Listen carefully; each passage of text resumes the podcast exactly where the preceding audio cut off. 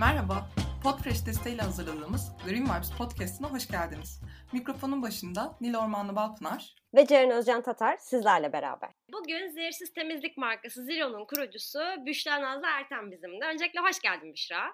Hoş bulduk Nil. Merhaba. Bu bölümümüzde aslında dinleyicilerimizle ve sizlerle birlikte Şevval de hatta bugün bizle zehirsiz temizlik hakkında konuşmak istiyoruz. Ama Büşra ve bu konulara girmeden önce, öncesinde kendinden, markandan biraz bahsedebilir misin? Bir de şunu çok merak ediyorum. Seni zehirsiz temizlik ürünleri üretmeye iten sebep neydi? Tabii. Öncelikle beni davet ettiğiniz için çok teşekkür ederim. Sizinle bu ortamda bu konuları konuşuyor olmaktan çok mutluyum gerçekten. Kendimden bahsedebilirim. Kendim kimya mühendisiyim aslında. İlaç firmalarında çalıştım. Yaklaşık 9-10 yıl kadar. Tedarik zincirinde genellikle üretim planlama, dijital projeler gibi alanlarda çalıştım. Yani direkt bir kimya mühendisliği yaptığım söylenemez. Mühendislik yaptım genel olarak. Ayrıca bir anneyim. iki buçuk yaşında bir kızım var. Evliyim. Bu şekilde yani temel olarak bunları söyleyebilirim biraz nasıl başladı bu iş? Aslında yani bir anda hadi ben bir marka kuracağım şeklinde başlamadı. Kendi kişisel hayatımda bazı farkındalıklar yaşamaya başlamıştım. Zaten önceden beri içerik okumaya çok meraklıyımdır. Hani aldığım, yediğim bir şeyin de, deterjan, kozmetik ürünlerinin de markette etiket okumayı çok severim açıkçası. Hem ön yüz hem arka yüz, küçük yazılar, uyarılar vesaire.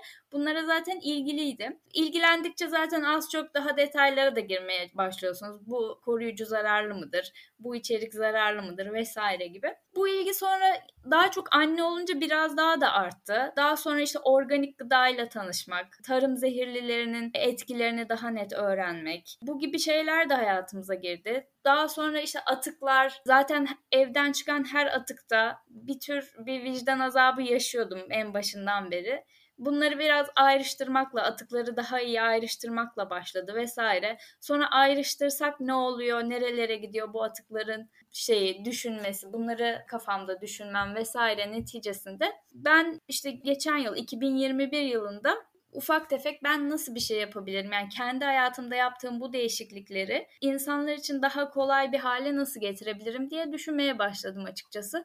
Çünkü bazı alanlarda da insan bilinçleniyor evet ama çok fazla seçenek olmuyor piyasada satın alabilecek. Doğa her şeyinde doğal bir evde yapılabilecek bir çözümü yok. Bunun neticesinde ben de ben bu konuda ne yapabilirim? Nasıl bir etki yaratabilirim? İnsanlara nasıl bir alternatif, daha iyi bir alternatif sunabilirim diye düşündüm. Ve bu şekilde markanın ilk e, temelleri atılmaya başlandı diyebilirim. Harika. Yani gerçekten bu hikaye aslında az çok çoğumuzda işte zehirsiz temizliğe olan ilgisi bu şekilde başlıyor ve devam ediyor ama tabii ki bu işi profesyonelleştirmek ve bizlerin de ulaşabileceği ürünler üretmen benim açımdan harika çünkü ben senin ürünleri çok Zero'nun ürünlerini çok aşırı severek kullanıyorum. Bu noktada madem işte zehirsiz temizliği seven insanlar olarak bir aradayız. Şundan biraz bize bahsedebilir misiniz? Dinleyicilerimiz de bu anlamda bilgilensin isteriz, bu anlamda merakları giderilsin isteriz. Zehirsiz temizlik neden önemli? Toksik kimyasalların bize ve çevremize nasıl zararları var? Bunlardan biraz söz edebilir misin? E, aslında yani bu konulara ilgi duymaya başlayan insanlar ilk başta gıdaya yöneliyor. Tabii ki gıdalar işte vücudumuza direkt aldığımız, direkt emilimini sağladığımız maddeler olması gereğiyle aslında bu anlaşılabilir bir durum. Ama ardından da yani hemen ardından çok yakın kozmetik ve deterjan ürünler geliyor. Çünkü bunları da bir şekilde biz vücudumuza alıyoruz. Kozmetiklerin zaten birçoğu vücudumuza uyguluyoruz. Derimiz vücudumuza en çok maddeyi çektiğimiz organlarımızdan birisi. Bu nedenle önemli. Deterjanlar da aynı şekilde soluduğumuz havayla vücudumuza giriyor ve cildimize temas ettiği kısmıyla da yine cilt vücudumuza giriyor. Bu manada iyi gıda tüketmekten çok farkı yok aslında iyi kozmetik ve iyi deterjan tüketmenin kendi vücudumuz için. Bir de tabii ki çevreye olan etkisi. Denizlerimizin kirliliği ortada. Bütün dünyadaki denizlerin kirliliği ortada. Ve bu kirlilikten yine etkilenen biziz. Yani balık çeşitliliği olsun, bir belki de 5-10 yıl sonra çocuklarımızın da kendimizin bile girebileceği bir deniz sayısı o kadar çok azalacak ki bu durum gerçekten çok kritik bir hale almaya başladı. Bu kimyasallar da her türlü kimyasal ama ev temizlik ürünleri de bunun içinde önemli bir parça teşkil ediyor. Çünkü çok fazla oranda kullanılıyor her evde. Her evden bir deterjan atığı oluyor. Bu suyun boşaltıldığı ortamlardaki, denizlerdeki, göllerdeki canlı yaşamını direkt etkiliyor. Orada canlıların yaşam süremeyeceği bir ortam hazırlıyor veya da mesela müsilaj gibi istemediğimiz canlı türlerinin ekstra artışı oradaki doğal hayatı tehlikeye sokuyor. Bu açıdan dediğim gibi yani şu söylem çok hoşuma gidiyor. Ev temizliğimizi yaparken daha büyük evimiz olan dünyayı kirletmememiz gerekiyor. Bu konuda bencil olmamamız gerekiyor. Ona çok önem veriyorum ve katılıyorum. Herkesin de buna dikkat çekmesini istiyorum. Yani şuna şunu da söylemek istiyorum. Toksik kimyasallar solunum yollarıyla çok ciddi zarar veriyor. Birçok insan mesela ya astımı olan insan sayısı o kadar çok arttı ki Bunda deterjanların da büyük bir önemi var. Keza alerjisi olan yani çevremde alerji ilacı kullanmayan çocuk sayısı kullanandan daha az mesela şu anda egzaması olan insanlar yani bu kadar çok nemlendirici ürün kullanılıp bu kadar çok egzama, kuruluk şikayetinin yaşandığı başka bir devir olmamıştır herhalde. Bunların bütün sorumlusu tabii ki toksik kimyasallar ve bunların yanlış veya fazla kullanımı. Bu nedenle ben bu alanda temizlik ürünlerine yöneldim. Çok sevdiğim arkadaşlarım var. Doğal kozmetik ürünleri yapıyorlar. Birçok üretici güzel ürünler yapıyorlar. Temizlik alanında biraz daha az olduğunu düşündüm bu çeşitliliğin. Ben o alana yönelmek istedim.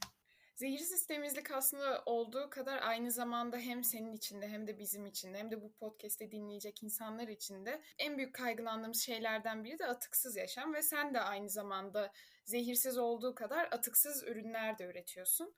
Atıksız yaşam ve zehirsiz temizlik arasındaki bağlantıdan söz edebilir misin bize? Özellikle konsantre ürünlerinden de bahsedersen çok mutlu olurum. Evet ya ben zaten bir ürün yapmaya karar verdiğimde yani bir marka ve onun altında bazı doğa dostu ürünler yapmaya karar verdiğimde öncelikli kafamda tasarladığım şey bu ürünlerin ambalajları doğaya zarar vermeyecekti. Çünkü içeriği temiz olan ürün bulmak artık günümüzde nispeten kolay. Yani her alanda, kozmetikte olsun, ev temizliğinde olsun, gıdada olsun içeriği temiz ürün popüler olduğu için özellikle de şu an bulmak kolay. Ama birçok marka buna yani bütün doğal veya doğal ürün yapmayan bütün markalar buna dahil ambalajından sorumlu tutmuyor kendisini. Yani o ambalaj atık haline döndükten sonra ne olacak? Çevreye nasıl bir etki bırakacak? Geri dönüşecek mi? Geri dönüşmeyecekse nasıl bir atık politikası izlenecek? Bunu hiçbir üretici şu an sorumluluğu olarak hissetmiyor. Çünkü böyle bir yasa da yok. Yani bu da normal hissetmemesi bir noktada. Ben bu Zero'yu yapmaya karar verdiğimde birinci kuralım buydu. Tabii ki içeriği temiz olacak. O yani sıfırıncı kural onu saymıyorum bile. Ama ambalajları da doğa dostu olacaktı. Ve bunun için araştırmaya başladım. Şimdi e, günümüzde deterjanların, ev temizlik ürünlerinin birçoğu sıvı formda. Teknolojinin gelişmesiyle toz formları bıraktı firmalar ve kar marjlarının da düşük olmasıyla sıvı formüllere geçtiler. Çünkü sıvı formüllerde hem daha iyi sonuç alınabiliyor hem daha yüksek kar marjıyla satabiliyorlar vesaire gibi sebeplerle.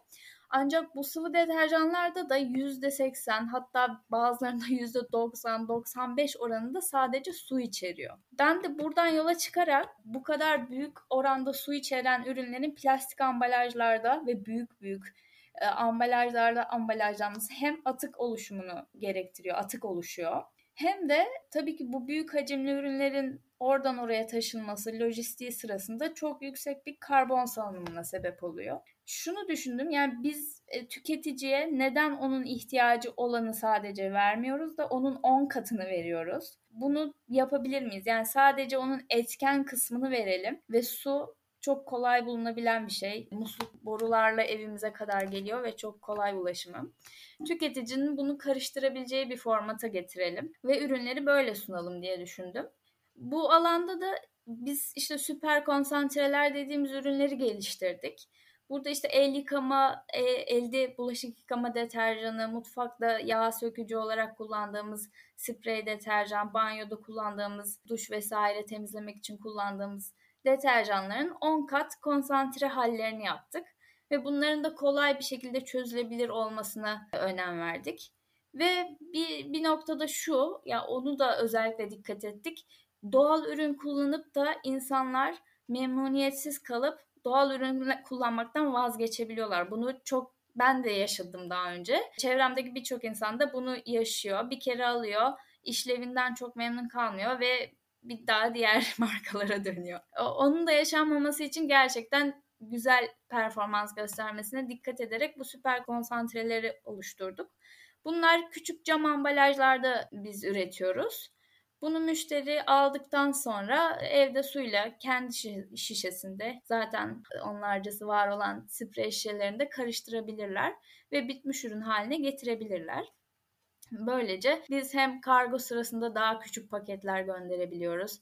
Hem bizi bir mağazadan satın alan bir müşteri küçücük şişelerle evine götürebiliyor. Ağır yük taşımak zorunda kalmıyor. Hem de tabii ki plastik atık sorununun önüne geçmiş oluyoruz. Ya bir de şöyle bir şey de yaptık. Bazı ürünlerde böyle yenilikçi formlara gittik. Bazı ürünlerde de geçmişe döndük. Hatırlarsınız toz deterjanların kutuda, kağıt, karton kutuda satıldığı dönemleri belki hatırlarsınız. Mesela çamaşır yıkamada da geçmişe döndük. Çünkü toz deterjan tabii ki bizim içeriğimiz çok temiz içerikli, bitkisel ve mineral içerikli. Ancak toz deterjanlar eskiden karton kutularda gayet güzel satılıyordu ve gayet güzel kullanılıyordu. Sonra plastik poşetlere dönüldü çünkü daha ucuz. Ama biz orada dedik ki bu, bu alanda da geriye gidebiliriz. Yani 20 yıl gerisine gidelim. Ve çamaşır deterjanımızı toz formatta, kağıt ambalajda, karton ambalajda veriyoruz. Bu şekilde yani hiçbir ürünümüzde plastik ambalaj kullanmıyoruz ve geri dönüştürülebilir malzemeler kullanıyoruz. Hatta süper konsantre dediğimiz ürünlerde de cam şişeleri geri toplamayı sunuyoruz. Bize belli bir miktar biriktirdikten sonra geri yollayabilirsiniz ve biz onları tekrar değerlendiriyoruz.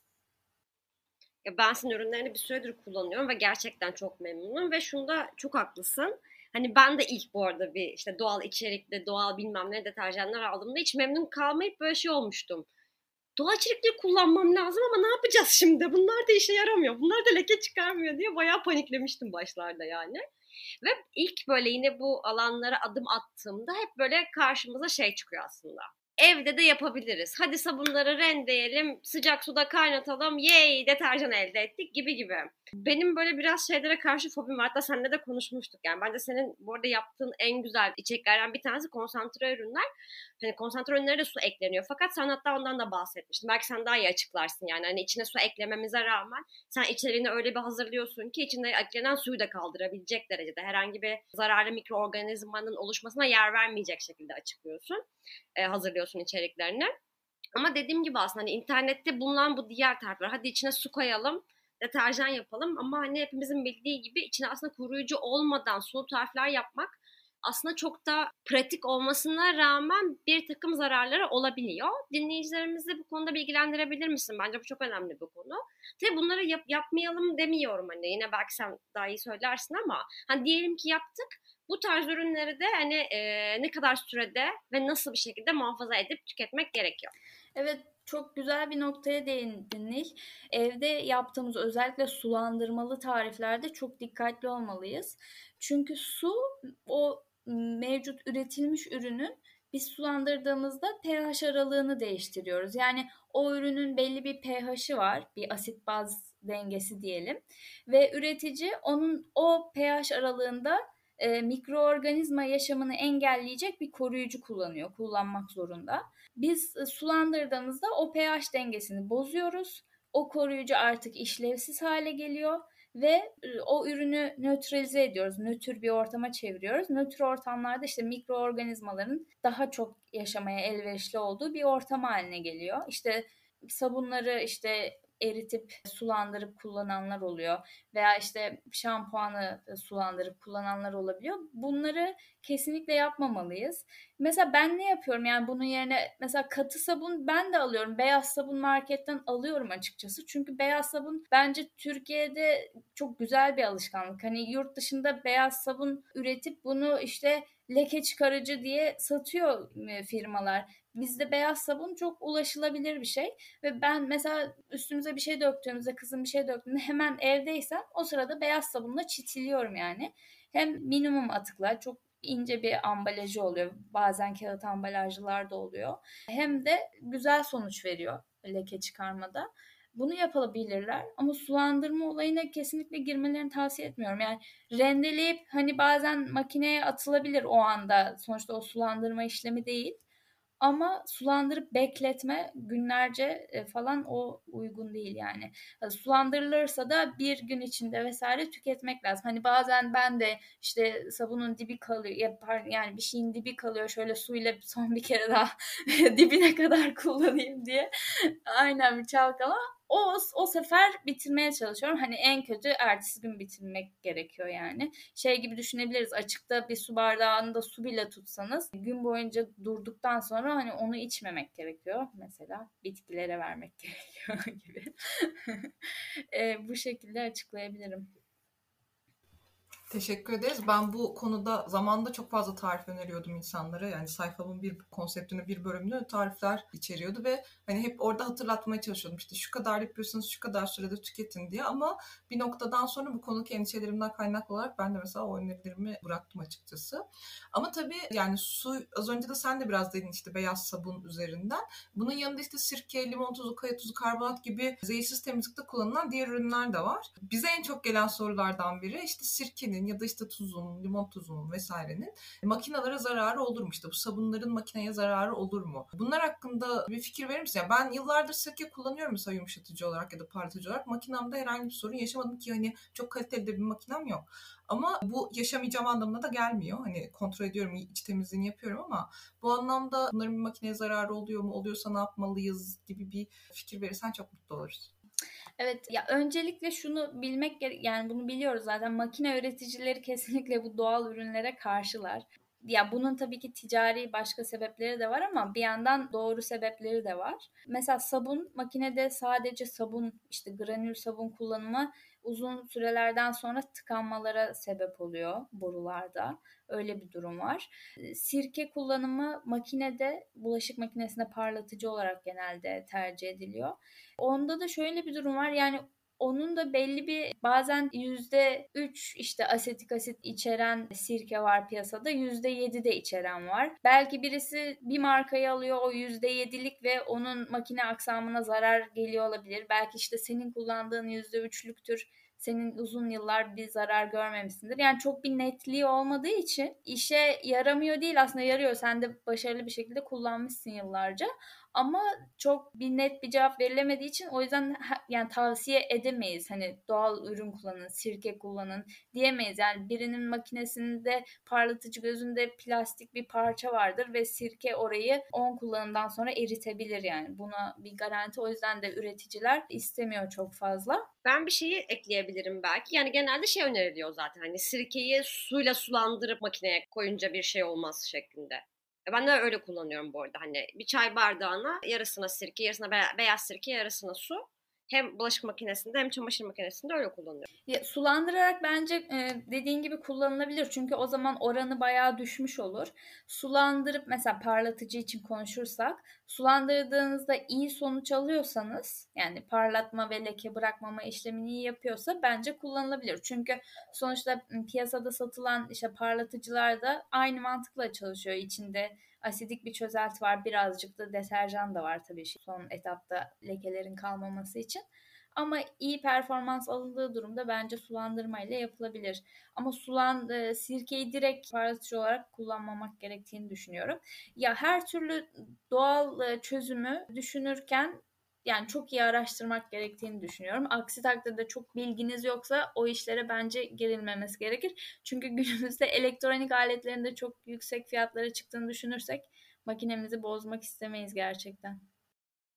Yani belki bu noktada şeyi de hatırlatmalıyız o zaman. Hani e, ille de kullanacaksanız işte sulandırarak veya değil. Makinenizin düzenli kontrollerini işte temizliğini işte filtrelerini vesairesine bakıp ona göre takipli gitmekte fayda var diyebiliriz sanırım.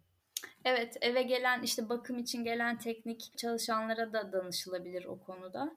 Onların da önerileri olabiliyor. Bazen işte doğal temizlik tavsiyesi isteyenler oluyor. Ben şunu öneriyorum. Yani deterjanları doğalını yap, evde olanını yapmaktan ziyade, doğalını demeyelim de evde üretmekten ziyade ya evinize 1 kilo karbonat, 1 kilo da limon tozu alın ve yani karbonatı mesela her türlü sebze meyve yıkamada, suda bekletin karbonatlı suda.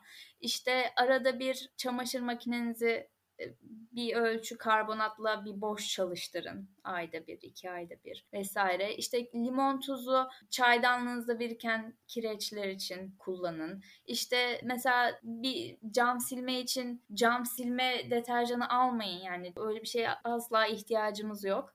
Bir çay bardağında limon tuzuyla suyu karıştırın. Hoş koksun istiyorsanız da birkaç damla esansiyel yağ damlatın ve camlarınızı o suyla silin. Yani karbonat ve limon tuzu birçok alanda kullanılabilir ve onları da kiloluk alın ve bir yıl kullanırsınız yani.